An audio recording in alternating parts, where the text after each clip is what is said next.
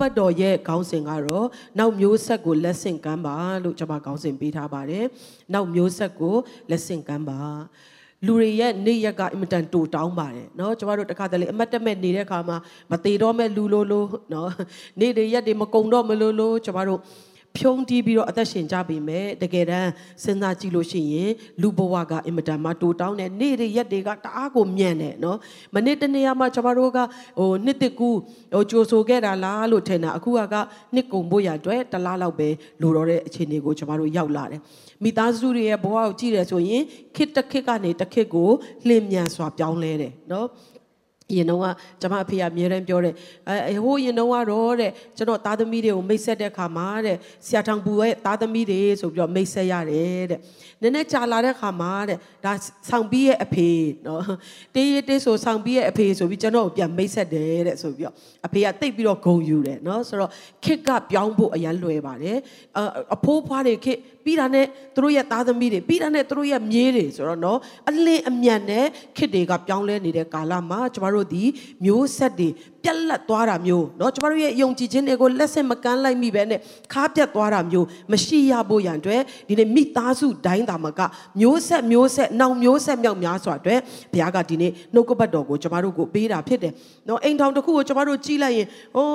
လူတွေအိမ်ထောင်ပြုတ်ကြတယ်နော်အိမ်ထောင်ပြုတ်ပြီးတာနဲ့မကြဘူးဟိုသူတို့သားသမီးတွေမွေးလာတယ်အဲပြီးတာနဲ့အဲ့ဒီကလေးတွေနဲ့အာစာဝတ်နေအတွက်ရုန်းကန်ကြတယ်ပညာရေးအတွက်ရုန်းကန်ကြတယ်ပြီးသွားပြီဆိုတာနဲ့အဲအဲ့ဒီကလေးတွေကကြီးလာပြီးအိမ်ထောင်ပြုတ်တယ်အာတခါသူတို့လည်းရုန်းကန်ကြတယ်ကလေးတွေနဲ့နော်စာဝတ်နေပညာရေးပြီးအဲ့ကလေးတွေကတခါကြီးလာပြီးတော့နောက်ထပ်ကလေးတွေထပ်မွေးလာတယ်ဒီလိုနဲ့နှစ်ခဏလေးတွင်းမှာကျမတို့ရဲ့မျိုးဆက်တွေကအပြောင်းလဲတွေအများကြီးရှိတယ် ကျမ်းစာထဲမှာလည်းစာလံကျမ်းထဲမှာဆိုရင်လူဒီအခိုးငွေးနဲ့တူတယ်တဲ့လူရဲ့နေ့ရက်တွေဟာလွန်သွားတတ်သောအရေးကဲ့သို့ဖြစ်တယ်လူတို့ရဲ့နေ့ရက်ကာလဟာမျက်ပင်ကဲ့သို့ဖြစ်တယ်တဲ့နော်ဆိုတော့လူဘဝဟာအင်မတန်မှတိုးတောင်းတယ်သူသဖြင့်နေ့ရက်တွေကခဏလေးနဲ့ကုန်တာဖြစ်တဲ့အတွက်ရွေးနှုတ်နိုင်သောတက်တာများဖြစ်ဖို့ဘုရားကောင်းချီးပေးပါစေဒါဆိုရင်ခေတ်တစ်ခုကနေတစ်ခုကိုအလင်းမြန်ပြောင်းလဲသွားတဲ့နေ့ရက်ကြီးထဲမှာကျမတို့ဒီဘယ်အရာကိုတန်ဖိုးထားပြီးတော့ဘယ်အရာကိုနောက်မျိုးဆက်ကိုလက်ဆင့်ကမ်းတယ်လဲဘာတွေကိုရွေးချယ်ပြီးအသက်ရှင်သွားတယ်လဲဆိုတာအရင်ရေးကြည့်တယ်နော်အခုချိန်မှာကျမတို့ဟာအဖေရဲ့အသက်တာအဖေရဲ့အသက်တာဆိုပြီးပြန်ပြန်ပြောရတယ်ကျမဖေကအသက်82နှစ်ပဲအသက်ရှင်ခဲ့ရတယ်နော်ကျမတို့အတူတကွအဖေကအသက်29နှစ်မှာအိမ်ထောင်ကြတယ်သားသမီးချက်ချင်းမွေးတဲ့အခါမှာကျမတို့မိသားစုဟာတကယ်ပဲတငယ်ချင်းလို့နော်တကယ်လှုပ်ဖို့ကင်ဘက်တွေလို့ ဟိုဘယ်လိုခေါ်မလဲ gap မရှိဘဲနဲ့တပြိုင်နက်တည်းအတူတကွကျွန်တော်တို့အလုပ်များကြီးကိုလှုပ်ခွင့်ရခဲ့တယ်အမှုတော်မြတ်မှာလည်းအတူတကွပါဝင်ခွင့်ရခဲ့တယ်ဒါပေမဲ့ပြန်လှည့်ကြည့်လိုက်ရင်အဲ့ဒီနှစ်တည်းကခဏလေးနဲ့ကုန်သွားပြီးတော့အခုဆိုရင်ကျမတို့ကြိုက်ကြိုက်မဲ့ကြိုက်ကြိုက်ကျမတို့ရဲ့လက်ထက်ကိုရောက်လာပြီခေတ်ကနော်ကျမတို့ရဲ့ခေတ်ဖြစ်သွားတယ်ဆိုတော့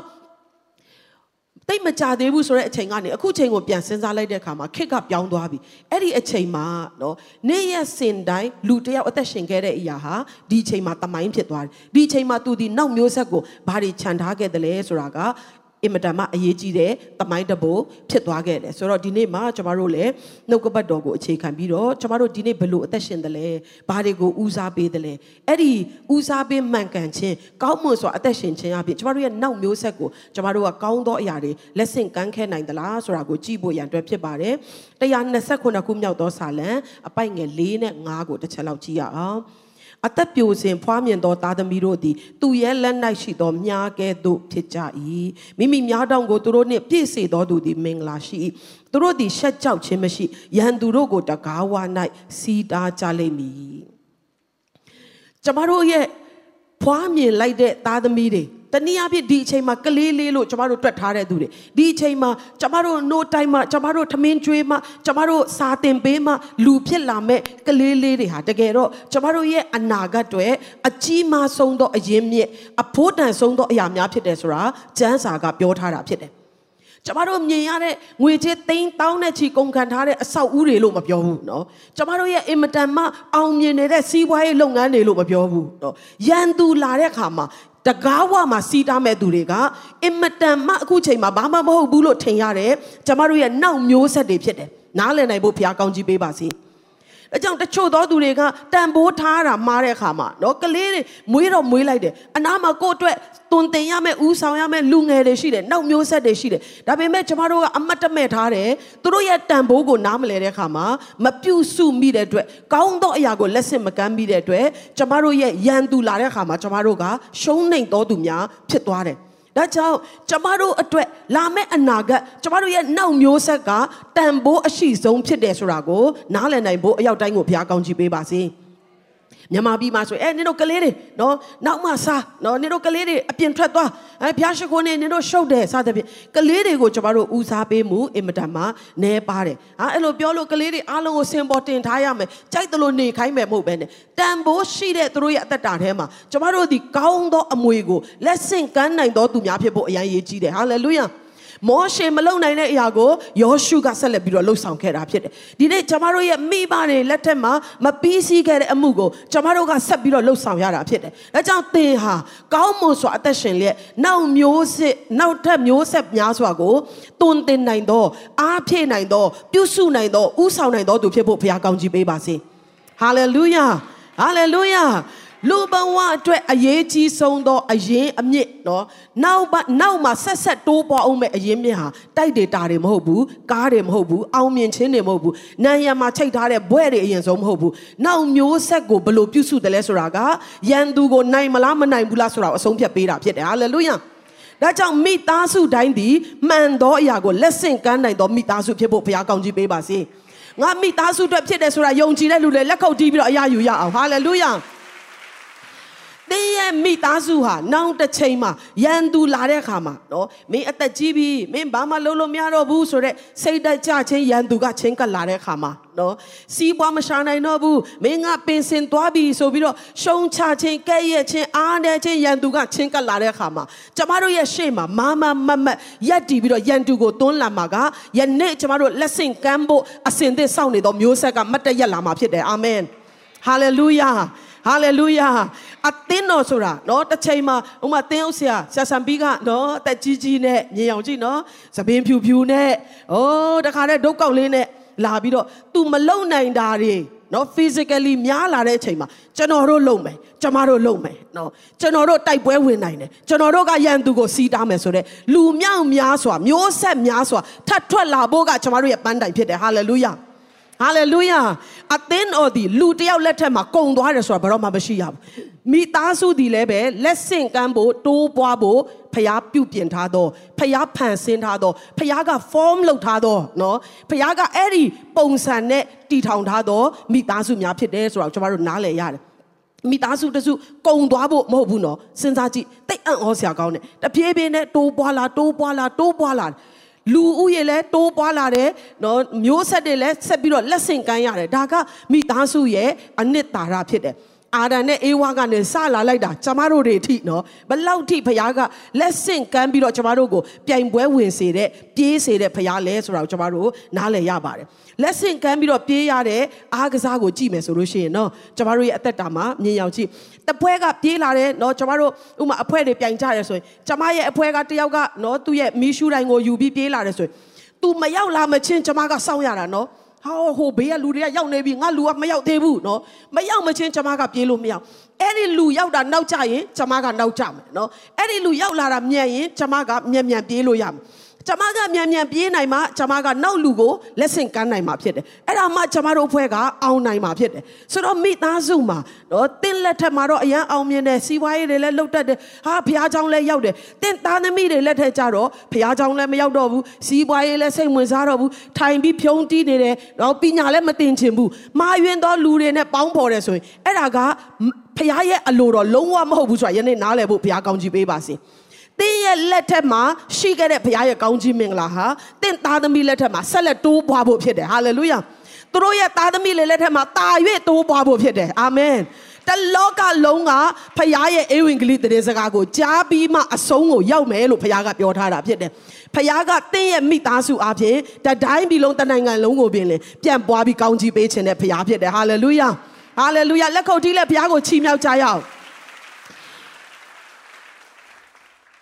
ဒါဆိုရင်တင်းရဲ့မိသားစုကနော်ဒီအချိန်မှာ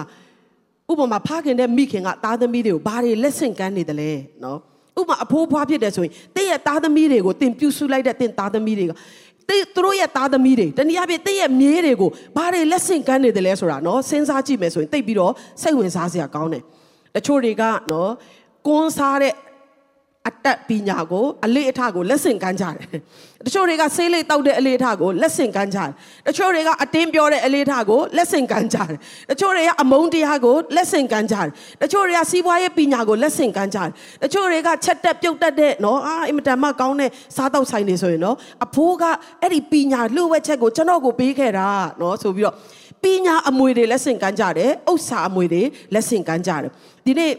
အဲမောရှေကနော်ဣသေလလူမျိုးတွေကိုကယ်နှုတ်လာတယ်ဒါပေမဲ့သူကခါနန်ပြည်ဂတိတော်ပြည်ကိုဝင်စားခွင့်မရတဲ့အခါမှာသူကနေခဲ့ရပြီးတော့ယောရှုနဲ့အဖွဲ့ကဝင်စားရမယ့်အခါမှာမောရှေကသူတို့ကိုတွန်းတင်တာနော်သူလိုက်လို့မရတော့ဘူးဖြစ်တဲ့အတွက်သူတွန်းတင်တဲ့နှုတ်ကပတ်တော်တွေဟာတရားဟောရာချမ်းဖြစ်ပါတယ်ဆိုတော့တရားဟောရာချမ်းအခန်းကြီး6ခန်းငယ်1ကနေ9မှာမောရှေကဘယ်လိုတွန်းတင်ထားသလဲဆိုတော့ သင်တို့သားမြေတို့သည်သင်တို့၏ဖျားသခင်ထာဝရဘုရားကိုကြောက်ရွံ့၍ငါပေးထားသောပြည့်ညတ်တရားတော်ရှိသမျှတို့ကိုတသက်လုံးစောင့်ရှောက်မိအကြောင်းနှင့်သင်တို့၏အသက်တာရှည်စေမိအကြောင်းသင်တို့သွား၍ဝင်စားလက်တန့်သောပြည်၌ကျင့်ဖို့ရာသင်တို့အားငါမောရှေတွင်တင်စိတ်သောငါသင်တို့၏ဘုရားသခင်ထာဝရဘုရားမှာထားတော်မူသောစီရင်ထုံးဖွဲ့ချက်တရားဟုမူကား ငါတော့လိုက်လို့မရတော့ဘူးဒါပေမဲ့မင်းတို့သွားပြီးတော့ဝင်စားရမယ့်ပြည်မှာမင်းတို့ပဲမဟုတ်ဘဲနဲ့မင်းတို့ရဲ့သားစင်မြေးဆက်အဆက်ဆက်ကောင်းစားပြီးတော့အသက်ရှည်ဖို့ရန်အတွက်ကျင့်ဆောင်ရမယ့်ပြည့်ညက်ချက်တွေကိုဖယားကမင်းတို့ကိုတုံတင်ဖို့ရန်အတွက်ငါ့ကိုပေးထားတယ်တဲ့ဒါတွေကိုမင်းတို့ကငါပြောပြမယ်တဲ့နော်ဆိုတော့ဖယားခင်ရဲ့တုံတင်ချက်တွေကတခစ်ကောင်းစားဖို့တုံတင်တာမဟုတ်ဘူးခေအဆက်ဆက်ကောင်းစားဖို့တုံတင်တော့တုံတင်ချက်တွေဖြစ်တယ်ဟာလေလုယာ တချို့သောလောကပညာတွေကခင်မစားတော့တာရှိတယ်။သုံးလို့မရတော့တဲ့ idea တွေရှိတယ်။ဖခင်ရဲ့တုံတင်ချက်ကတော့ခင်အဆက်ဆက်ကောင်းစားစေမဲ့တုံတင်ချက်ဖြစ်တယ်။ဘယ်တော့မှခင်နောက်မကြတဲ့ဘယ်တော့မှဒါတော့သုံးလို့မရတော့ဒီ idea တော့အောက်သွားပြီဆိုတော့နှုတ်ကပတ်တော်တစ်ခုမှမရှိဘူး။ဖခင်ရဲ့တုံတင်ချက်ဒီတင့်အတွက်တင်းရဲ့သားသမီးများအတွက်တင်းရဲ့သားသမီးတွေရဲ့သားသမီးတွေအတွက်ကောင်းစားဖို့ရအသက်ရှင်ဖို့ရလုံလောက်တော့ဖခင်ရဲ့တုံတင်ချက်ဖြစ်တယ်ဟာလေလုယာ။ ဒါကြောင့်တစ်သားသမီးတွေကိုကောင်းစားစေခြင်းနဲ့ဆိုရင်ဖျားသခင်ရဲ့ပြညတ်တော်တွေလမ်းတော်တွေကိုတုံတင်နိုင်တော်သူဖြစ်ဖို့အထူးပဲလိုအပ်ပါတယ်အခန်းငယ်6မှာဗာဆက်ပြောလဲဆိုတော့ဣသေလအမျိုးဘိုးဘေးတို့၏ဖျားသခင်ထာဝရဖျားဂတိတော်ရှိသည့်အတိုင်းတင်ဒီနို့နှင့်ပြားရည်စီးသောပြည်၌ချမ်းသာရ၍အလွန်ပွားများမိအကြောင်းနားထောင်လောဟာလေလုယာ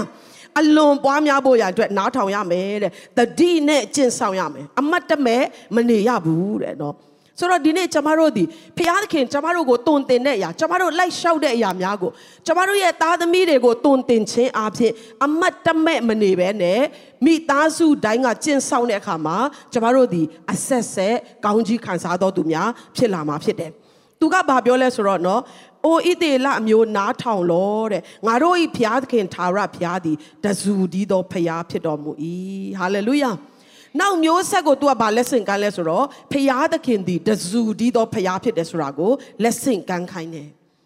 ယုံကြည်ခြင်းကိုတနည်းအားဖြင့်သူတို့ရဲ့ယုံကြည်ခြင်းကိုအစင်စင်လက်ဆင့်ကမ်းခိုင်းတယ်ငါတို့လေအီဂျစ်တိုင်းပြည်မှာဘယ်လိုဒုက္ခရောက်ခဲ့တာအဲ့ဒီလူတွေကငါတို့ကိုဘယ်လိုနှိပ်စက်ခဲ့တာဘယ်တော့မှမမေ့နဲ့တော့ငါတို့ဒုက္ခခံခဲ့ရတဲ့အရာတွေမပြောဘူးနော်ဖယားသခင်ကိုယုံကြည်ဖို့တဇူတီးသောဖယားဖြစ်တယ်ဆိုတာကိုနားလည်ဖို့သားသမီးတွေကိုတုံတင်ပါလို့ပြောတယ်မိသားစုတိုင်းထိုကဲ့သို့တုံတင်နိုင်ဖို့ဖယားကောင်းကြီးပေးပါစေ။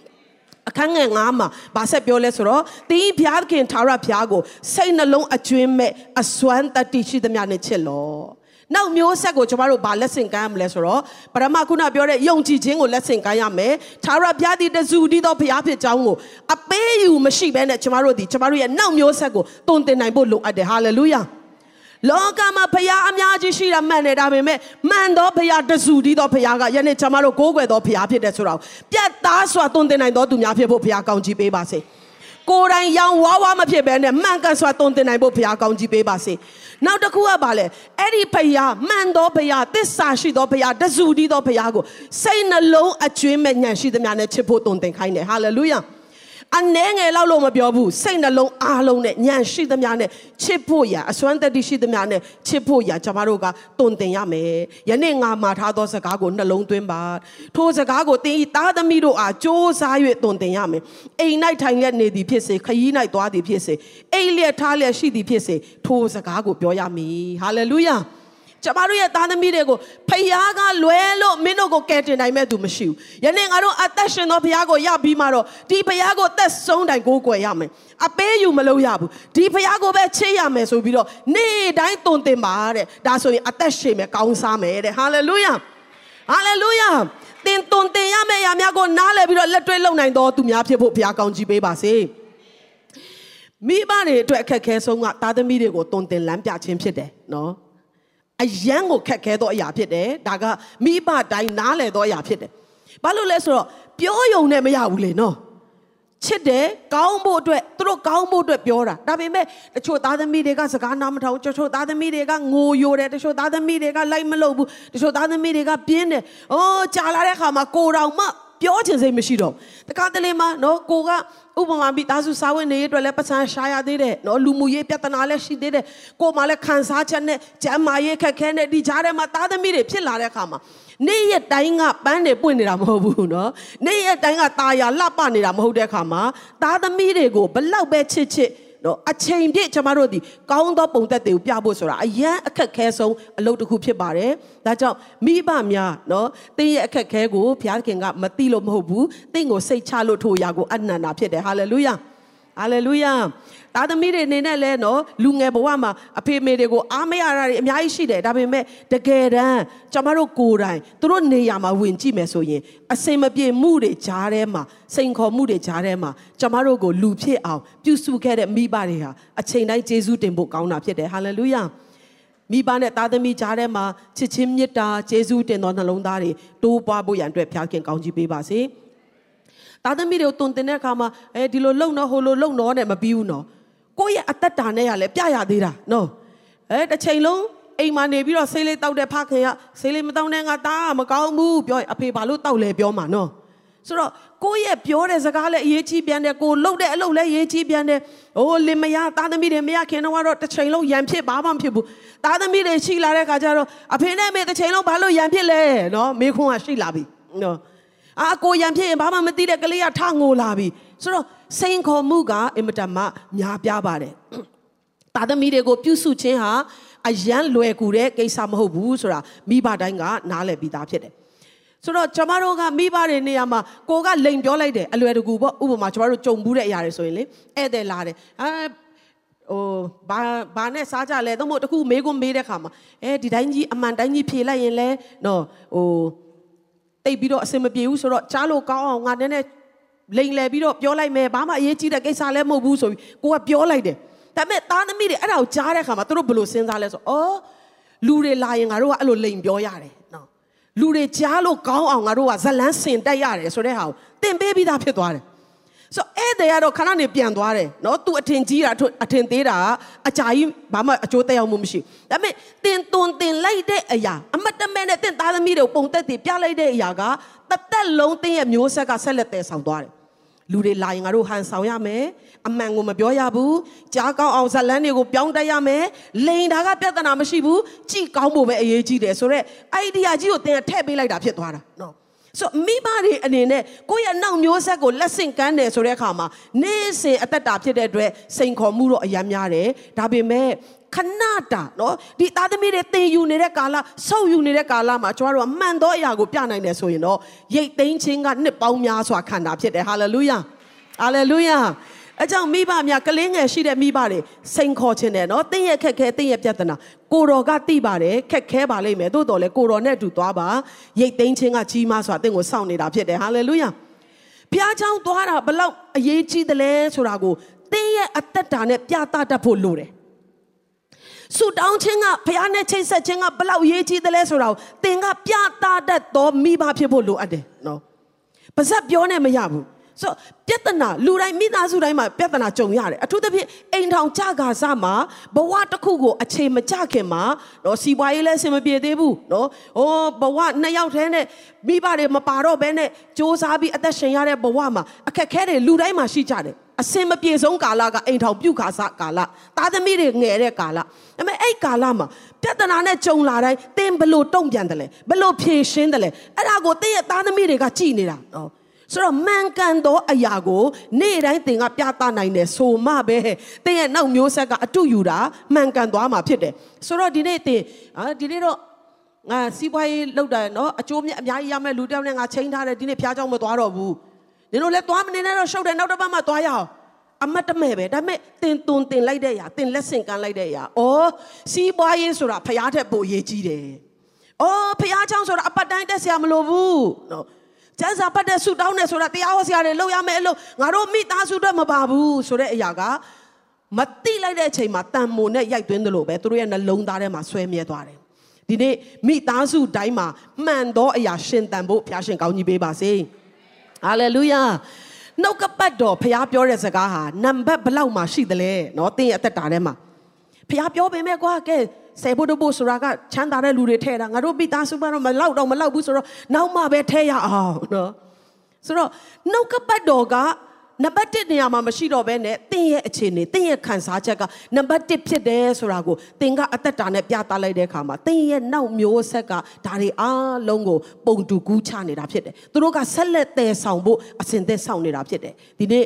မိသားစုတိုင်းရဲ့အသက်တာထဲမှာမှန်သောအရာကိုလက်ဆင့်ကမ်းနိုင်ဖို့ဘုရားကောင်းချီးပေးပါစေကျွန်တော်တို့မိသားစုเนาะခဏခဏပြောသလိုပဲကလေးမျိုးကနေကျမတို့စွာကိုပြောင်းတော့မယ်ဆိုတဲ့အချိန်မှာပထမဦးဆုံးချိန်ကျမတို့နေနေတဲ့မျိုးကနေပြောင်းဖို့ဖြစ်တယ်အဲ့တော့ကျမကသူ့ငယ်တန်းအရွယ်လောက်ဖြစ်မယ်9နှစ်လောက်ပေါ့ ဆိုတော့ပစ္စည်းတွေထည့်ကြတဲ့အချိန်မှာကျွန်မမမေ့နိုင်တဲ့အရာကဘာလဲဆိုအဖေကဟိုမှာတဲ့ခရိယန်မရှိဘူးတဲ့ယုံကြည်သူတရားမှမရှိဘူးတဲ့ဒါကြောင့်ငါတို့မိသားစုပဲဝတ်ပြုရမှာဖြစ်တဲ့အတွက်ဆိုပြီးတော့သူကဓမ္မတချင်းစာအုပ်အသေးလေးတွေ၅အုပ်တခါတည်းထည့်လာတယ်နော်ဆိုတော့စွာဆိုတဲ့မြို့ငယ်လေးမှာကျမတို့ကကျမတို့မိသားစုပဲခရိယန်ရှိတယ်ညတိုင်းဝတ်ပြုရတယ်နော်ကျမတို့ရဲ့လက်ဦးဆရာကျမတို့ရဲ့ Sunday school ဆရာမကကျမရဲ့မိခင်ဖြစ်တယ်နော် ယုံကြည်သူမရှိဘူးတိုးတော်လေသူတို့ရဲ့ယုံကြည်ခြင်းကိုနော်လက်ဆင့်ကမ်းနိုင်လို့ရတဲ့အရွယ်မှာကောင်းမွန်စွာလက်ဆင့်ကမ်းခဲ့တဲ့အရာမှာယနေ့ကျမတို့ဆိုတာဖြစ်လာတယ်ဟာလေလုယာအသက်ကြီးလာတဲ့အခါမှာရွေးချယ်စရာဘလောက်ပဲများများဖျားကိုပဲရွေးချယ်တတ်သောအသက်တာဖြစ်လာစေတာကသူတို့ရဲ့ယုံကြည်ခြင်းကိုလက်ဆင့်ကမ်းခဲ့လို့ဖြစ်တယ် သူတို့ကဒါလောက်ပြတာလည်းမဟုတ်ဘူးဘသူကမှစရင်စစ်တာလည်းမဟုတ်ဘူးသူတို့ကအိုးငါတို့ယုံကြည်သူတွေမရှိတဲ့နေရာမှာနော်အမျိုးတွေမရှိတဲ့နေရာမှာဖယားကိုငါတို့ကဆွန့်လွတ်လို့မရဘူးဗိမာန်တော်မရှိလို့အသင်းတော်မရှိလို့ဖယားကိုမကိုးကွယ်တော့ဘူးဆိုတာတော့မဖြစ်နိုင်ဘူးငါတို့မှန်ကန်သောရွေးချယ်မှုကိုပြုမရမယ်ဆိုတော့သူတို့အတဲကနေထွက်လာတဲ့ယုံကြည်ခြင်းလှုပ်ဆောင်မှုကယနေ့ကျမတို့အတွက်လက်ဆင့်ကမ်းသောကောင်းသောအမွေဖြစ်လာခဲ့တယ်ဟာလေလုယာ ကျမတို့ဟိုငငယ်တုန်းကဆိုရင်တော့မယုံကြည်သူတွေကြားထဲမှာကြီးပြင်းတဲ့အခါမှာဟိုចောင်းစားတက်လက်တက်လာရောကျမတို့ကဆဲတက်လာတယ်ဘယ်ကနေတက်မှန်းမသိဘူးအဲ့ဒါနဲ့အိမ်ရောက်တော့ဆဲတဲ့စကားတခုပြောလိုက်မိတာနဲ့ကျမဖေကချက်ချင်းခေါ်တယ်အဲ့ဒီစကားတွေဟာငါတို့ပြောရမယ့်စကားမဟုတ်ဘူးနောက်တစ်ခါဒီလိုစကားမျိုးကိုဘယ်တော့မှမပြောရဘူးဆိုပြီးတော့ကျမတို့တုံတင်တဲ့ခါမှာနားလဲသွားတယ်။အော်ဒါလူတိုင်းပြောလို့ရတယ်ထင်တာပြောလို့မရပါလား။ဒါကမကောင်းတဲ့စကားပဲဆိုတော့ကျမတို့နားလဲသွားတယ်နော်။ကျမဟို ဘယ်တော့မှမမေ့တာကျမတို့မောင်နှမတွေထဲမှာဘယ်တယောက်လဲတော့မသိဘူးနော်မေ့တော့မေ့သွားပြီတယောက်ကအဲ့လိုမျိုးဝိပုကိုးကွယ်တဲ့ချိန်မှာအဲ worship အပီးလောက်အဲ့လိုနှုတ်ကပတ်တော်စားတော့မဲဆိုထပြီးတော့အပေါ့သွားတယ်တပတ်နှစ်ပတ်သုံးပတ်ဖြစ်လာတဲ့ခါမှာအိမ်ပြန်ရောက်တော့မောင်နှမ9ယောက်စလုံးကိုခေါ်တယ်ခေါ်ပြီးတော့အမေကဘာပြောလဲဆိုတော့အခုတလောခဏခဏအပေါ့သွားတာတွေ့တယ်တဲ့တခါတလေမှာတဲ့လူရဲ့အချင်းကားတဲ့ဘယ်လောက်ထိကြောက်စရာကောင်းလဲဆိုတော့တဲ့ ဥမာတနေရသွားတယ်ဆိုရင်လမ်းလျှောက်ပြီးသွားတယ်ပေါ့နော်အဲ့လိုမျိုးဆိုရင်ဒီတစ်ပင်အောက်ရောက်ရင်ဥမာတချို့ဆိုဆေးလေးတောက်တယ်တချို့နယ်တွေမှာဆိုဒီတစ်ပင်အောက်ရောက်ရင်အပေါ့သွားတယ်ဒါမျိုးဆိုအဲ့နေရရောက်ရင်အလိုလိုနေရင်အဲ့ဒါကိုလုံကိုလုံမိတယ်တဲ့ဒါကြောင့်တခါတလေမှာအပေါ့သွားခြင်းလို့မထိန်နိုင်လို့မဟုတ်ပဲနဲ့အကျင့်ပါလို့ဖြစ်တတ်တယ်နော်တဲ့အဲ့ဒီအချိန်တိုင်းမှာခဏခဏထွက်တာတတိထားမိတယ်နောက်တစ်ခါမထွက်ပါနဲ့ဆိုတော့အော် ငါတို့ကိုအဖေမေကဂယုစိုက်တယ်ငါတို့ကိုထွက်နေတာကိုသိတယ်ဒါအကျင့်ပါတတ်တဲ့ဟာလို့ပြောတယ်ဒါကြောင့်ငါတို့ရက်ရမယ်ဆိုတဲ့အသည့်နဲ့ကျမတို့ကချက်ချင်းအဲ့ဒီအကျင့်ကိုဖျောက်ရတယ်နော်ဆိုတော့ကျမတို့ရဲ့မိသားစုတွေထဲမှာနေ့စဉ်အသက်တာမှာကျမတို့ဒီမှန်သောအရာကိုနေ့တိုင်းလက်ဆင့်ကမ်းနိုင်ဖို့ဒါပဲလိုအပ်တာဖြစ်တယ်ဟာလေလုယာ ကျမတို့ငယ်ငယ်တော့ဆို TV ကြည့်ကြတယ်လေနော်ဒီလိုမျိုးဟိုခွေတွေဘာတွေထိုးတာတွေတို့ YouTube တွေတို့မရှိဘူးလေဆိုတော့ TV ကနေလာတဲ့စနေနေ့ညတပတ်လုံးလုံးမှာတကားလောက်ပဲလာတဲ့ဗမာကားလေးကိုမော့ရတာကျမတို့ကနော်ပြီးလို့ရှိရင်အဲ့မှာစပြီးတော့တရုတ်ကားလေးတွေဘာလေးတွေပြတော့ဒါလေးတွေကြည့်ကြတာပေါ့ဆိုတော့တနင်္ဂနွေနေ့ရောက်လာတဲ့အခါမှာအိုး worship တွေအကြီးကျယ်လို့ဒါပေမဲ့ဟိုအစင်မပြေမှုလေးတွေရှိတာပေါ့ဒါပေမဲ့နည်းနည်းကြာလာတဲ့အခါမှာအမေကချက်ချင်းပါပြောလဲဆိုတော့ငါတို့တွေတဲ့။ အိုးစနေနေ့ညမှာအင်မတန်ကောင်းတဲ့ဇာကားလေးတွေကြည်ရင်တဲ့။ဟိုခြေနဲ့ပြီးတော့အိတ်သွားတနင်္ဂနွေနေ့ worship လုပ်ရင်အိုးဇာကားတွေကဒီထဲမှာရုပ်ရှင်လိုပဲသွားနေတယ်တဲ့နော်။ပြန်ပြီးတော့မြင်ရောင်နေတယ်အဲ့တော့ကတော့ပိုးမင်းသားပိုးဗာလဲပိုးမင်းသားတိုင်းကားလားမသိဘူးအခက်ရှဲနဲ့နဲ့ချီပြီးပြတဲ့ဟာလေအရန်လက်ကြည့်လို့ကောင်းတယ်ကြည့်ကြတယ်အဲ့လိုမျိုးဆိုတော့ကျန်တဲ့ရက်လက်စာချက်ရတယ်ဆိုတော့မကြည့်အောင်ဆိုစနေတညပဲ TV ကြည့်ရတယ်ဒါပေမဲ့အမေကဗာပြောလဲဆိုတော့ဝိပုကိုးကွယ်ခြင်းကိုအနောက်ရှက်ဖြစ်တဲ့အတွက်တဲ့ အစာရှောင်စုတောင်းလိုမျိုး TV ရှောင်ရမယ်ဆိုပြီးတော့နော်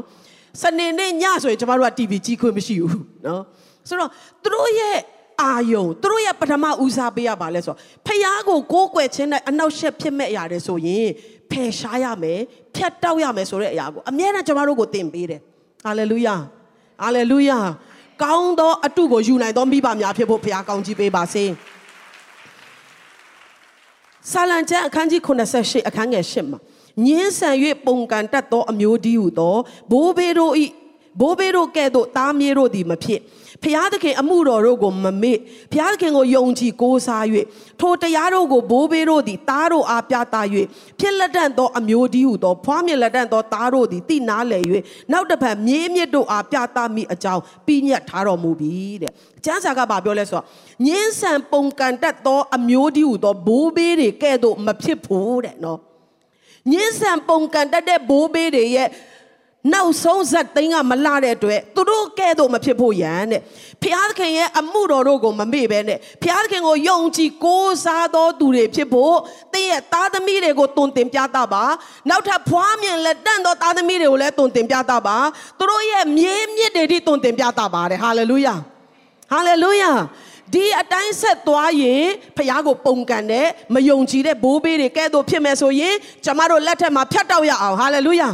ကျမတို့ဒီနောက်မျိုးဆက်ပေါင်းများစွာမှာကောင်းစားမဲ့နီလန်းကိုအစပြုတော်သူများဖြစ်ဖို့ဘုရားကောင်းကြီးပေးပါစေဖျားသခင်ကိုညင်းဆန်ပုံကန်သောချိန်ချင်းနဲ့ဆိုင်သောဘိုးဘေးတွေရဲ့အကျင့်တွေအားလုံးဟာတင်းရဲ့လက်ထက်မှာလုံးဝပြတ်တောက်သောခစ်ဖြစ်ဖို့ဘုရားရှင်ကောင်းကြီးပေးပါစေ။တင်းရဲ့ခစ်ကစနောက်မျိုးဆက်တိုင်းဒီဖျားစကားကိုနားထောင်သောမျိုးဆက်ဖျားကိုမပုံကန်သောမျိုးဆက်ကောင်းကြီးကိုတည်ဆောင်သောမျိုးဆက်ဖြစ်ဖို့ဘုရားခင်ကောင်းကြီးပေးပါစေ။ ထိုကဲ့သို့ဖြစ်ဖို့ရန်အတွက်ဘာလို့လဲဖျားသခင်ပြုတဲ့အမှုတွေကိုမမေ့ဘဲနဲ့ဖျားသခင်ကိုကိုးစားသောအသက်တာဖြစ်ဖို့လိုအပ်တယ်ဣသေလလူမျိုးတွေကဂျော်ဒန်မြစ်ကိုဖြတ်ပြီးတော့ခြိတက်လာတဲ့ခါမှာမြစ်လေကောင်ရောက်တဲ့ခါမှာဘုရားကဘာလုပ်ခိုင်းကြောက်ခဲဆက်နှလုံးကိုကောက်တိန်ထားနောက်မျိုးဆက်တွေကဒါပါလဲလို့ပြောရင်ဘုရားသခင်ငါတို့ကိုကယ်တင်ခဲ့တဲ့အမှုကိုပြန်ပြောရမယ်ဟာလေလုယာဟာလေလုယာ ငါတို့တုန်းကဒီလိုဆုတောင်းခဲ့တာဖခင်ကဒီလိုနားညောင်းခဲ့တယ်။သားတို့သမီးတို့မင်းတို့လက်ထက်မှာကူညီမဲ့လူမရှိဘူးလားဖခင်ကိုတောင်းပါလို့ပြောတတ်ရမယ်။ဟာလေလုယာ။ဟာလေလုယာ။ကျမတို့မိသားစုမှာတက်တက်ခတ်မယ်ဆိုရင်တကယ်အံ့ဩစရာကောင်းတဲ့လူလုံးလုံးမရတဲ့ အာနာနဲ့လုံးလုံးမရတဲ့ငွေနဲ့ဝယ်လို့မရတဲ့ဖခင်ရဲ့နမိတ်လက္ခဏာမြောက်များစွာကျမတို့မြင်တွေ့ခဲ့ရတယ်။ထိုအရာများကအနာဂတ်မှာကျမတို့ကောင်းမွန်စွာယုံကြည်ခြင်းပြေးလမ်းမှာပန်းတုံးတိုင်ကိုပြေးနိုင်ဖို့ခွန်အားတွေဖြစ်စေခဲ့တယ်။ဟာလေလုယာ။ဒါကြောင့်မိဘများစိန်ခေါ်ခြင်းနဲ့ယခုချိန်မှာလူလောကဖြစ်တဲ့အတွက်သင်ဟာပြဿနာနဲ့ကြုံရကောင်းကြုံရမယ်စိန်ခေါ်မှုတွေရှိကောင်းရှိမယ်ဒါပေမဲ့အဲ့ဒါကသင်သားသမီးတွေကသင်ကိုကြည်နေတာပြသဖို့အတွက်အကောင်းဆုံးသောခွင့်ရဖြစ်တယ်ဟာလေလုယာ ယုံကြည်သူများဟာပြဿနာ၌နစ်မြုပ်တော်သူတွေမဟုတ်ဘူးအောင်ပွဲခံတော်သူတွေဖြစ်တယ်။ဒါကြောင့်သင်ရဲ့ယုံကြည်ခြင်းနဲ့ဒီတောင်းကိုသင်ဘယ်လိုကြော်ဖြတ်တယ်လဲဆိုတာပြသဖို့အကောင်းဆုံးခွင့်ရကိုဖျားပေးတာဖြစ်တယ်။ဟာလေလုယာ။ဟာလေလုယာ။တခါမှဆိုရင်ကျွန်တော်တို့မိသားစုနော်အမြဲတမ်းပြောသလိုပဲ။ကျောင်းအပ်ဖို့အတွက်ပတ်စံမရှိတော့ဘူးလိုအပ်တဲ့ငွေကြေးက ကျမတို့အတွက်အင်မတန်မှများပြားတဲ့ငွေကြေးဖြစ်တယ်။မောင်နှမ၃ယောက်ချောင်းတက်ရအောင်။အဖေအမေကပတ်စံချီးဖို့ဟိုပြေးဒီပြေးမပြေးဘူး။ဟိုအမျိုးဒီအမျိုးဖုန်းမခေါ်ဘူး။ကျမတို့မောင်နှမဘာမှမသိသေးတဲ့ကျမတို့မောင်နှမတွေကိုခေါ်ပြီးဆူတောင်းရအောင်ဘုရားခင်ထောက်ပံ့လိုက်မယ်။ဟာလေလုယာ။တောင်းပြီးပြီးချင်း10မိနစ်တွင်းမှာကျမတို့တောင်းတဲ့ငွေပမာဏအတိအကျအိမ်ကိုရောက်လာတာဖြစ်တယ်။ အဲ့ဒီငွေကတော့လောကနေနဲ့ကြီးမယ်ဆိုရင်အဲ့ဒီခေတ်ကာလမှာဗမာငွေကျပ်1500ဖြစ်တယ်ဒါပေမဲ့ကျမတို့ရလိုက်တဲ့ယုံကြည်ခြင်းအမွေကဘာလဲဆိုတော့ငါတို့မှာလိုအပ်ချက်ရှိရင်အဖေမေလိုပဲဖခင်ကိုဆုတောင်းရမယ်ဖခင်ကတောင်းရင်ပေးတော့ဖခင်ဖြစ်တယ်ဟာလေလုယာဟာလေလုယာ စာရန်ကရော့အနေတော့မိသားစုပတ်စံမရှိဘူးကလေးတွေတော့ကြောင်းမအပ်နိုင်ဘူးအရာရှိဖြစ်ပြီးတော့သားသမီး၃ယောက်ကြောင်းမအပ်နိုင်တဲ့အရာရှိဆိုပြီးတော့စာရန်ကလက်ညှိုးထိုးနေတဲ့အချိန်မှာအဲ့ဒီပြဿနာဟာကျမတို့မိသားစုယုံကြည်ခြင်းလက်ဆင့်ကမ်းဖို့အကြောင်းဖြစ်လာတယ်ဟာလေလုယာတင်းရဲ့မိသားစုပြဿနာများသည်မိသားစုထဲမှာနှောက်မျိုးဆက်ကိုယုံကြည်ခြင်းအမွေပေးနိုင်ဖို့ရန်အတွက်အကောင်းဆုံးသောဘုရားသခင်ရဲ့ပေးတဲ့လက်ဆောင်ဖြစ်ကြောင်းယုံကြည်သောသူတွေလက်ခုပ်တီးပြီးတော့ဘုရားကိုချီးမွမ်းရအောင်ဟာလေလုယာ မနေ့ကဆက်ဆံပြီးပြောတဲ့ထဲမှာနော်မိုးတိမ်တိုင်ဟောမိုးတိမ်တိုင်ရွေ့ရင်ခရီးသွားရတယ်ရိုက်ရင်ဣတေလလူမျိုးတွေအကုန်ရိုက်ရတယ်တင်ထားတဲ့အခါမှာနော်သားသမီးတွေကိုတုံတင်ရငါတို့နော်ငါတို့သွားတာရှောက်သွားတာမဟုတ်ဘူးမိုးတိမ်တိုင်ဖရားရဲ့လမ်းပြခြင်းသွားတဲ့အခါအဖေတို့ကသွားတာရက်တဲ့အခါအဖေတို့ကရက်တာဆိုတာသားသမီးတွေကိုတုံတင်နိုင်တယ်ဆိုရင်နော်လူတန်းပေါင်းများစွာသောဣတေလလူမျိုးတွေမိုင်နဲ့ချီသူတို့ကတန်းစီနေရတာသားသမီးတွေကစောကစားရင်းနဲ့တနေရာရောက်နေရင်တောင်မှ ဟဲငါသားသမီးဘယ်ရောက်သွားလဲလိုက်ရှာစရာမလိုဘူးတိသွားတဲ့ခါမှာအိုးမိုးတိမ်တိုင်ရွေ့နေတယ်ငါတို့အဖေတို့သွားလောက်ပြီဆိုပြီးတော့သူတို့ကတခါတည်းလိုက်ပါဟာလေလုယာဆိုတော့မိသားစုထဲမှာကျွန်တော်တို့ဒီကောင်းသောအရာကိုလက်ဆင့်ကမ်းသောမိသားစုဖြစ်ဖို့အရန်ရည်ကြီးတယ်မုံရွာအတင်းတော်ဆိုရင်တော့ကျမတို့ကမယုံကြည်သူတွေကနေပြောင်းလဲတဲ့လူကအများဆုံးဖြစ်တဲ့ခါမှာကျမအမေကအမြဲတမ်းသူစ조사တဲ့အရာကဘာလဲဆိုတော့ခရစ်မတ်ဆိုရင်ပြဆက်ပြရတယ်ဖွားမြင်တော်မူခန်းအလွတ်ရတဲ့အထိကျမတို့ကပြရတယ်ဆိုတော့ဘယ်လောက်ထိဖြစ်သွားလဲဆိုတော့ ကျမညမရဲ့ကလေးတွေဆိုရင်နော်ဟိုကျမအမကလေးတွေရှန်ကစ်တို့ကအရင်တော့တိုးလေးတွေလောက်ရတာပေါ့အဲပြဆက်မှာတိုးလေးတွေအဲ့ဒါပြီးလို့ရှိရင်နည်းနည်းကြီးလာရင်တိုးထိန်ပေါ့အဲအဲ့ထက်နည်းနည်းကြီးလာရင်တို့ကမူးမတ်တွေတို့ဘယင်တွေတို့အဲဒါမှမဟုတ်ရှင်လဲတဲခိုခန်းပိုင်ရှင်တို့ဒါမျိုးလေးတွေပညာရှိတို့တို့ကလောက်ရတယ်အဲတို့ခစ်ပြီးသွားတဲ့ခါမှာလျံပြီးတို့ခစ်ဟိုနေ့ကလျံပြီးကဘာပြောလဲဆိုတော့သူညမစွန်စွန်ဟာတဲ့အခုတိုးကလေးလုံနေပြီတဲ့နော်ဆိုတော့သူတို့ကြည့်လိုက်တာနဲ့ဩငါညမလေးကအခုတိုးဆိုတော့နောက်နှစ်နှစ်သုံးနှစ်ဆိုရင် तू ကတိုးထိန်ဖြစ်တော့မယ်အဲ ဆိုတော့အမေတို့ကဘာပြောလဲဆိုတော့ဒီဖွားမြင်တော်မူခန်းကိုစာတော်မှမဖတ်တတ်တဲ့နော်ခရိယန် background ကနေမလာတဲ့ငါတို့ရဲ့အသင်းသူတင်းသားတွေဟာမြင်ပါများလာရင်အလွတ်ရလာမယ်နော်ပြီးရင်အ ਨੇ ဆုံးပြဆက်မှာပြနေတဲ့လူတွေကဒီဇလန်းကိုသူတို့ကလုံးဝအလွတ်ရပြီးတော့ဒီထဲမှာရိုက်သွင်းပြီးသားဖြစ်မယ်နှစ်တိုင်းသူတို့စ조사လာတဲ့ခါမှာတကယ်ပဲမုံရွာအသင်းတော်ထွက်ဆိုရင်အားလုံးကပြဆက်အချိန်မျိုးပြနိုင်တဲ့အဆင့်ထိရောက်လာတယ်ဒီနေ့ကျွန်မတို့က ခေတ်ကအယံမြန်ဆန်တဲ့အတွက်မြန်မြန်ဆန်ဆန်သူတို့ရဲ့အချိန်ရှိတဲ့အချိန်မှာလက်ဆင့်ကမ်းနိုင်ဖို့အရင်ရည်ကြီးတယ်တိတုခန်းကြီးနှစ်ခန်းငယ်နှစ်ကနေ6ကိုအနည်းငယ်လေးဖတ်ချင်တယ်အသက်ကြီးရင်သောယောက်ျားတို့သည်တမာတတိရှိသောသူတည်ကြည်သောသူအိန္ဒြေဆောင်သောသူယုံကြည်ခြင်းချစ်ခြင်းသီးခံခြင်း၌စိတ်တန်သောသူဖြစ်ရကြမည်အကြောင်း ထိုနည်းတူအသက်ကြီးရင်သောမိန်းမတို့သည်ကျင့်ကြံပြုမှုရာမှာဓမ္မအမှုနှင့်ထိုက်တန်သောသူမချောစားတတ်သောသူစပြည့်ရည်နှင့်မလွန်ကျူးတတ်သောသူကောင်းသောအတက်ကိုတင်ပေးတတ်သောသူကိုယ်တိုင်ဖြစ်၍နော်အသက်ကြီးသောယောက်ျားအသက်ကြီးသောမိန်းမတွေဟာအကျင့်စာရိတ္တကောင်းမွန်ပြီးတော့သူတစ်ပါးကိုတွန်းတင်နိုင်သောသူဖြစ်ရမယ်လို့အတူချုပ်အဖြစ်နားလည်ရတယ် အဲ့အောက်မှာဗာပြောလဲဆိုဘုရားခင်နှုတ်ကပတ်တရားတော်ကိုကဲ့ရဲ့ခြင်းနဲ့ကင်းလွတ်စိတ်သောငါအသက်ပြိုသောမိန်းမတို့သည်ကိုခင်မုန်းကိုချစ်တော်သူသားသမီးကိုချစ်တော်သူအိန္ဒြေဆောင်တော်သူစင်ကြယ်တော်သူမိမိအိမ်ကိုပြုစုတော်သူကောင်းမွန်တော်သူခင်ပွန်းအုပ်ဆိုးခြင်းကိုဝန်ခံတော်သူဖြစ်မိအကြောင်းအသက်ကြီးရင်သောမိန်းမတို့သည်အသက်ပြိုတော်သူတွေကိုဆုံးမပေးရမယ်တဲ့နော်ဆိုတော့မိဘနဲ့သားသမီးသာမကဘဲနဲ့အသင်းတော်မှာကျမတို့ရဲ့လူမှုအတိုင်းဝိုင်းမှာကိုယ်တိုင်ကောင်းသောအချင်းကိုကျင့်တော်သူဖြစ်ပြီးတော့ ကိုယ့်ထက်ပိုပြီးတော့အသက်အရွယ်နှုနေတဲ့ကိုယ့်ရဲ့နောက်မျိုးဆက်တွေကိုလက်ဆင့်ကမ်းနိုင်ဖို့ရအတွက်ကကျမ်းစာရဲ့တုံတင်ချက်ဖြစ်တယ်နော်။ဒါကြောင့်အာဒီလူကြီးကတစ်ချိန်လုံးငါတို့ဆရာကြီးလာလုပ်တယ်မဟုတ်ဘဲနဲ့နော်။ဖခင်များကသားများကိုနော်မိခင်များကသမီးငယ်များကိုနော်အသက်ကြီးသောမိန်းမတွေကအသက်ငယ်သောမိန်းမတွေဘယ်လိုနေထိုင်ရမလဲ။ကောင်းသောအကျင့်ကိုဘယ်လိုကျင့်ရမလဲ။အိမ်ထောင်ကိုဘယ်လိုချစ်ပြီးတော့ဘယ်လိုပြုစုရမလဲဆိုတော့စင်ကဲစင်ကဲတုံတင်ကြပါလို့ကျမ်းစာကပြောထားတယ်။ဟာလေလုယာ။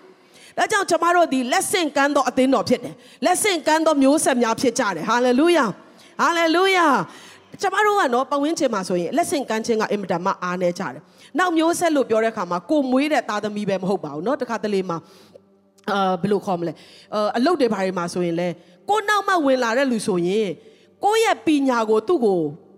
ကောင်းမွန်မွန်တင်ပေးဖို့ထက်အဲဆရာစားခြံတဲ့လူနော်။ ပညာရှို့ထားတဲ့လူတချို့တွေဆိုပညာပြတာနော်မင်းကလူသစ်ငါလူဟောက်မင်းကဘာမှမတတ်ဘူးငါတတ်တယ်နော်ဒီယုံမှာမင်းကနောက်မှလာတဲ့လူဒါကြောင့်မင်းကဘာမှမသိဘဲနဲ့နေရမယ်ငါကတော့ဆရာကြီးငါအကုန်သိတယ်နော်အဲ့လိုမျိုးနှလုံးသားနဲ့ကျမတို့ကမကြည့်ပြင်းပဲနဲ့အော်ဒီလူသစ်ရောက်လာတဲ့ခါမှာငါတတ်တဲ့ပညာကိုငါဝေမျှရမယ်ငါနားလည်ပြီးသားအရာကိုငါသူ့ကိုလည်းစီးဆင်းစေရမယ်သူ့ရဲ့အသက်တာထဲမှာဆိုတော့တွန်းတင်သောဝေမျှသောနှလုံးသားလူတိုင်းမှာရှိဖို့ဘုရားခင်လိုတော်ရှိတယ်ဟာလေလုယာ လက်ခုပ်တီးလက်ဘုရားကိုချီးမွမ်းရအောင်ဒီအချက်ကအရင်ရေးကြီးတယ် department တွေမှာနော်အသင်းတော်မှာသို့မဟုတ်ယုံတွေမှာလုပ်ငန်းတွေမှာသင်ကစပြီးတော့ပြောင်းလဲပါလောကသားတွေကတော့နောက်မှလာရင်တပည့်နေရာမှာထားဖို့နော်ချိုးနေဖို့မတင်ပေးအောင်ဒါမကပညာပြဖို့အစဉ်သင်ဆောင်နေတယ်ကျမတို့ကတော့အသက်ကြီးသောသူကအသက်ငယ်သောသူကိုအတွေ့အကြုံရှိသောသူကအတွေ့အကြုံမရှိသေးသောသူကိုသင်ပေးခြင်းအဖြစ်လက်တွဲခေါ်သောမျိုးဆက်တွေဖြစ်တယ်ဟာလေလုယာ ထိုအလေအထသည်အသင်းတော်မှာမိသားစုတွေမှာပြန့်နှံ့ဖို့ရအတွက်ဖျားရှင်ကောင်းကြီးပေးပါစေကျွန်မပြီးခဲ့တဲ့ဘက်ကနော်ကျွန်မတို့ရဲ့ဒီအာကျေးဇူးတော်ချီးမွမ်းခြင်းအပတ်မှာအရန်ဘုရားသခင်ကျွန်မကိုတိုးထိတယ်ကျွန်မထိုင်နေတယ်ကျွန်မအနောက်မှာဆရာတိုးထိုင်တယ်အပေါ်မှာကိုဝီလျံက worship ဦးဆောင်နေတယ်ကျွန်မကြည့်ရင်နဲ့မျက်ရည်ကျတယ်ဆရာတိုးကိုကျွန်မတော့ပြောတယ်ဆရာတိုးကြည့်ပါဦးနော်တစ်ချိန်မှာဆရာတိုးကယေရှုသည်ဆုတောင်းရင်ပေးတော်ဖရာခေါ်ရင်ထူးတဲ့ဖရာဖြစ်တယ်ဆိုတော့ တမာတရားလေးကိုဝေမျှလိုက်တာအဲ့ဒီနှုတ်ကပတ်တော်ကိုကြားတော့ကိုဝီလျံရဲ့အသက်တာဟာအချိန်တန်တဲ့ခါမှာပြောင်းလဲသွားတယ်ဟာလေလုယာတိုးပွားခြင်းကနော်လက်ဆင့်ကမ်းခြင်းကဘလောက်တောင်ချစ်စရာကောင်းလဲဆိုတော့ဆရာတိုးကကတာအရန်တော်ပေမဲ့သူကတခြင်းမဆိုတတ်ဘူး worship မဦးဆောင်တတ်ဘူးဒါပေမဲ့ तू အားဖြင့်တိုးပွားလာတဲ့ तू လက်ဆင့်ကမ်းလိုက်တဲ့ကိုဝီလျံကတနည်းအားဖြင့် तू မလောက်တတ်တဲ့နယ်ပယ်မှာအရန်ကျွမ်းကျင်တဲ့လူဖြစ်တဲ့ခါမှာ ထောင်နဲ့ချီသောလူကိုဖခင်ရဲ့မျက်မှောက်တော်ကိုခေါ်ဆောင်မဲ့သူတယောက်ကို तू ကမွေးထုတ်လိုက်တာဖြစ်သွားတယ်ဟာလေလုယာဒါကြောင့်လက်ဆင့်ကမ်းခြင်းကတင်ထင်ထားတာတဲ့ပို့ပြီးတော့များစွာအလုံးလုံးတာဖြစ်တယ်။ဒါကြောင့်ကျမတို့ရဲ့ဝင်းကျင်ဟာကျမတို့ရဲ့မိသားစုဟာကိုယ်လက်ထက်မှာပဲရပ်တန့်သွားတဲ့သူတွေမဖြစ်ရဘူး။လက်ဆင့်ကမ်းပြီးတော့တိုးပွားစေသောသူများဖြစ်ကြရအောင်။ဟာလေလုယာ။ဟာလေလုယာ။ ကျမ်းစာထဲမှာကျွန်တော်တို့အမြဲတမ်းပြောရတဲ့တိမောသေเนาะဒီမှာနှစ်တိခန်းကြီးတစ်ငယ်တစ်မှာယေရှုခရစ်၌တည်သောအသက်ကိုပေးမိဟုဂတိတော်နှင့်အညီဘုရားသခင်အလိုတော်အားဖြင့်ယေရှုခရစ်တမန်တော်ဖြစ်သောငါပေါလုသည်ငါချစ်သားတိမောသေကိုကြားလိုက်ပါ၏အခန်းငယ်၄နဲ့၅မှာတင်းရဲ့ဘွားလောဤအမိဦးနေ၌အရင်တည်သောယုံကြည်ခြင်းတည်ဟုသောငါသဘောကျသည့်အတိုင်းသင်၌လည်းတည်သောယုံကြည်ခြင်းစိတ်ကိုမှတ်မိသဖြင့်၎င်းတဲ့နေညာမပြတ်ဆုတောင်းပတနာပြုသည်တွင်သင်ကိုမချားမလက်အောက်မေ့သည်ဖြစ်၍ငါဘိုးဘေကိုးကွယ် ယ်သည့်အတိုင်းကိုကိုကိုတည်သောစိတ်စင်ကြယ်ခြင်းနဲ့တကွငါကိုးကွယ်သောဘုရားခင်ယေရှုတော်ကိုငါချီးမွမ်း၏သူရဲ့အဖွားကနေလက်ဆင့်ကမ်းလာတာသူရဲ့အမေသူရဲ့အမေကနေလက်ဆင့်ကမ်းလာလိုက်တာတိမောသေလက်ထက်ကိုရောက်လာတဲ့ခါမှာတော့အဲ့ဒီလက်ဆင့်ကမ်းလာတဲ့အရာကကျမ်းစာကဘာပြောလဲဆိုတော့ယုံကြည်ခြင်းစစ်တဲ့နော်စစ်မှန်သောယုံကြည်ခြင်းဟာလေလုယာ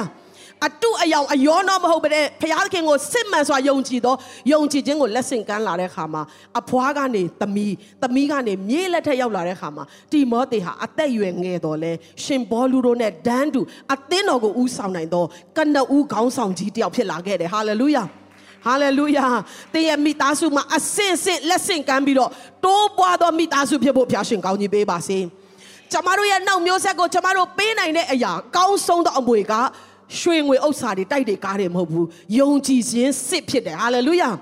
အားလုံးပြောကြည့်အောင်ယုံကြည်ခြင်းအစစ်ကိုအမွေပေးရမယ်ယုံကြည်ခြင်းလို့ပြောတဲ့အခါမှာတော့နော်လှုပ်ဆောင်ခြင်းလဲတွဲတာဖြစ်တဲ့အတွက်ခုနပြောသလိုစင်ပေါ်မှာပဲအရန်ယုံကြည်လို့မရဘူးနေ့စဉ်အသက်တာမှာရောက်လာတဲ့စိန်ခေါ်ခြင်းတိုင်းမှာကျွန်တော်တို့ရဲ့တုံ့ပြန်သောတုံ့ပြန်ချက်ကယုံကြည်ခြင်းတုံ့ပြန်ချက်ဖြစ်ဖို့လိုအပ်တာဖြစ်တယ်ဟာလေလုယာ အကျွေးတွေရှိလာတယ်ပြဿနာတွေရှိလာတယ်ဒါကိုဖြေရှင်းတာကတတ်တတ်သားသမီးတွေကိုတုံတင်တာတတ်တတ်ဆိုရင်ဘယ်တော့မှကျွန်တော်တို့ဟာလမ်းမှန်ကိုမရောက်နိုင်ဘူးဒီနေ့ကျွန်တော်တို့ရဲ့ယုံကြည်ခြင်းကိုလက်တွေ့လှုပ်ဆောင်ခြင်းအပြင်နေ့စဉ်ပြသလာတဲ့အခါမှာကျွန်တော်တို့ဒီယုံကြည်ခြင်းစိတ်ကိုလက်ဆင့်ကမ်းနိုင်တော်သူများဖြစ်လာမယ်။ဒါကြောင့်မသက်633မှာဗာပြောထားလေဘုရားကနိုင်ငံတော်နဲ့ဖြောင့်မတ်ခြင်းတရားတော်ကိုရှေးဥစွာရှာပါ။နောက်မှထိုရများကိုထိုက်၍ပေးမယ်။လူတွေကကောင်းကြီးကိုအလွယ်တကူလိုချင်ကြတယ်။ဘုရားခင်ကကောင်းကြီးကို စစ်မှန်တဲ့ကောင်းကြီးကိုအလွယ်တကူမပေးပါဘူးသူ့ကိုရွေးချယ်တဲ့လောက်ပဲသူကပေးတာဖြစ်တယ်ဒါကြောင့်တင်းရဲ့မိသားစုမှာတင်းရဲ့မျိုးဆက်မှာတင်းသည်ဖခင်ကိုနံပါတ်1နေရာမှာထားတော်သူဖြစ်တယ်ဆိုရင်နောက်မှလိုတော်ရတဲ့တဖြည်းဖြည်းပြည့်စုံလာမယ်ထိုရတဲ့ကိုမြင်တဲ့တင်းရဲ့နောက်မျိုးဆက်ကအဲ့ဒီအရာကိုဆက်လက်တည်ဆောင်သွားမှာဖြစ်တယ်ဟာလေလုယာ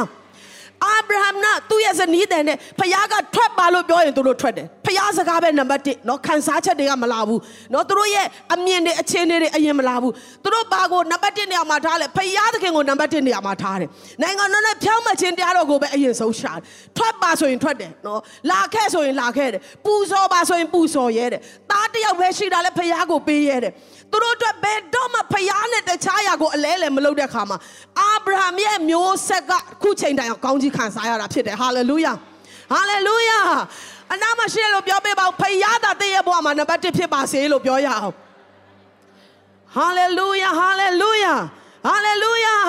သင်ရဲ့နောက်မျိုးဆက်ကိုသင်လက်ဆင့်ကမ်းတဲ့အခါမှာတဆူဒီတော်ဖရားမှန်တော်ဖရားကိုစိတ်နှလုံးအကျွေးမဲ့နဲ့ချစ်ရအောင်ထိုဖရားသာလေနံပါတ်1နေရာမှာငါတို့မိသားစုအတွက်ထားရမယ့်သူဖြစ်တယ်လို့သွန်သင်နိုင်တော်သူများဖြစ်တယ်ဆိုရင်တော့သင်ရဲ့နောက်မျိုးဆက်နောက်မျိုးဆက်ရဲ့နောက်မျိုးဆက်တွေကကောင်းကြီးမင်္ဂလာခံစားရအောင်ဒါမကတိုးပွားအောင်မှာဖြစ်တယ်ဟာလေလုယာဟာလေလုယာ ကျမတို့မိဘတွေကျမတို့ကိုပြုစုခဲ့တဲ့အရာတွေကိုပြန်စဉ်းစားကြည့်ရင်ကျမသုံးသက်လို့ရတာတကြောင်းတည်းနဲ့ပြောပါဆိုရင်ကျမတို့မိဘတွေကဖျားနဲ့ဘယ်အရာကိုမှမလဲလဲဘူး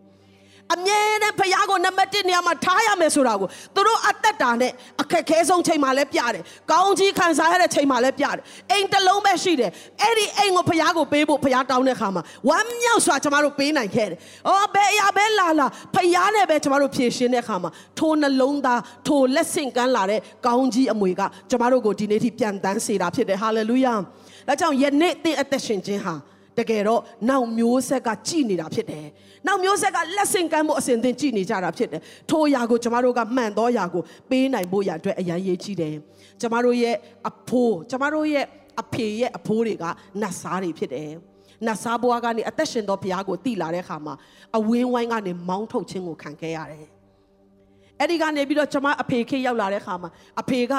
ကဲတင်ခြင်းရဖို့အကျင့်မလို့ဘူးဂျေဇူးတော်ကိုယုံကြည်ခြင်းတက်တက်နဲ့ရနိုင်တယ်ဆိုတာကိုဟောတဲ့အခါမှာအေဝံဂေလိတရားကိုနေ့တိုင်းဟောတဲ့အခါမှာဟာလေလုယာအမြဲတမ်းပြောတဲ့အခါမှာအသင်းတော်ကနေမောင်းထုတ်ခြင်းကိုခံခဲ့ရတယ်။ဒါပေမဲ့သူတို့ကလက်ဆင့်ကမ်းလာတဲ့အရာကယုံကြည်ခြင်းဖြစ်တယ်။ စတုထမျိုးဆက်လောက်ဖြစ်တဲ့ကျမတို့လက်ထက်ကိုရောက်လာတဲ့အခါမှာကျမတို့ဟာယုံကြည်ခြင်းကြောင့်ယုံကန်စရာမလိုတော့ဘဲနဲ့အဲ့ဒီမီးခွက်ကိုကျမတို့ကလွယ်ကူစွာကင်ပြီးတော့ပြေးနိုင်သောမျိုးဆက်ဖြစ်လာခဲ့တယ်ဒီနေ့တချို့သောမျိုးဆက်တွေတင့်လက်ထက်ကြမှာစပြီးတော့ဒီအရာကိုဖမ်းဆုံးမိတယ်ဆိုရင်အနှဲငယ်တော့ယုံကန်ရလိမ့်မယ်ဒါပေမဲ့ယနေ့သင်မှန်ကန်စွာယုံကြည်ခြင်းနဲ့ယက်တည်တယ်ဆိုရင်သင်သားသမီးတွေကသင်ထက်ပိုပြီးတော့လွယ်ကူစွာယုံကြည်ခြင်းတရားလမ်းမှာပြေးနိုင်မှာဖြစ်တယ်ဟာလေလုယာ ဟာလေလုယာ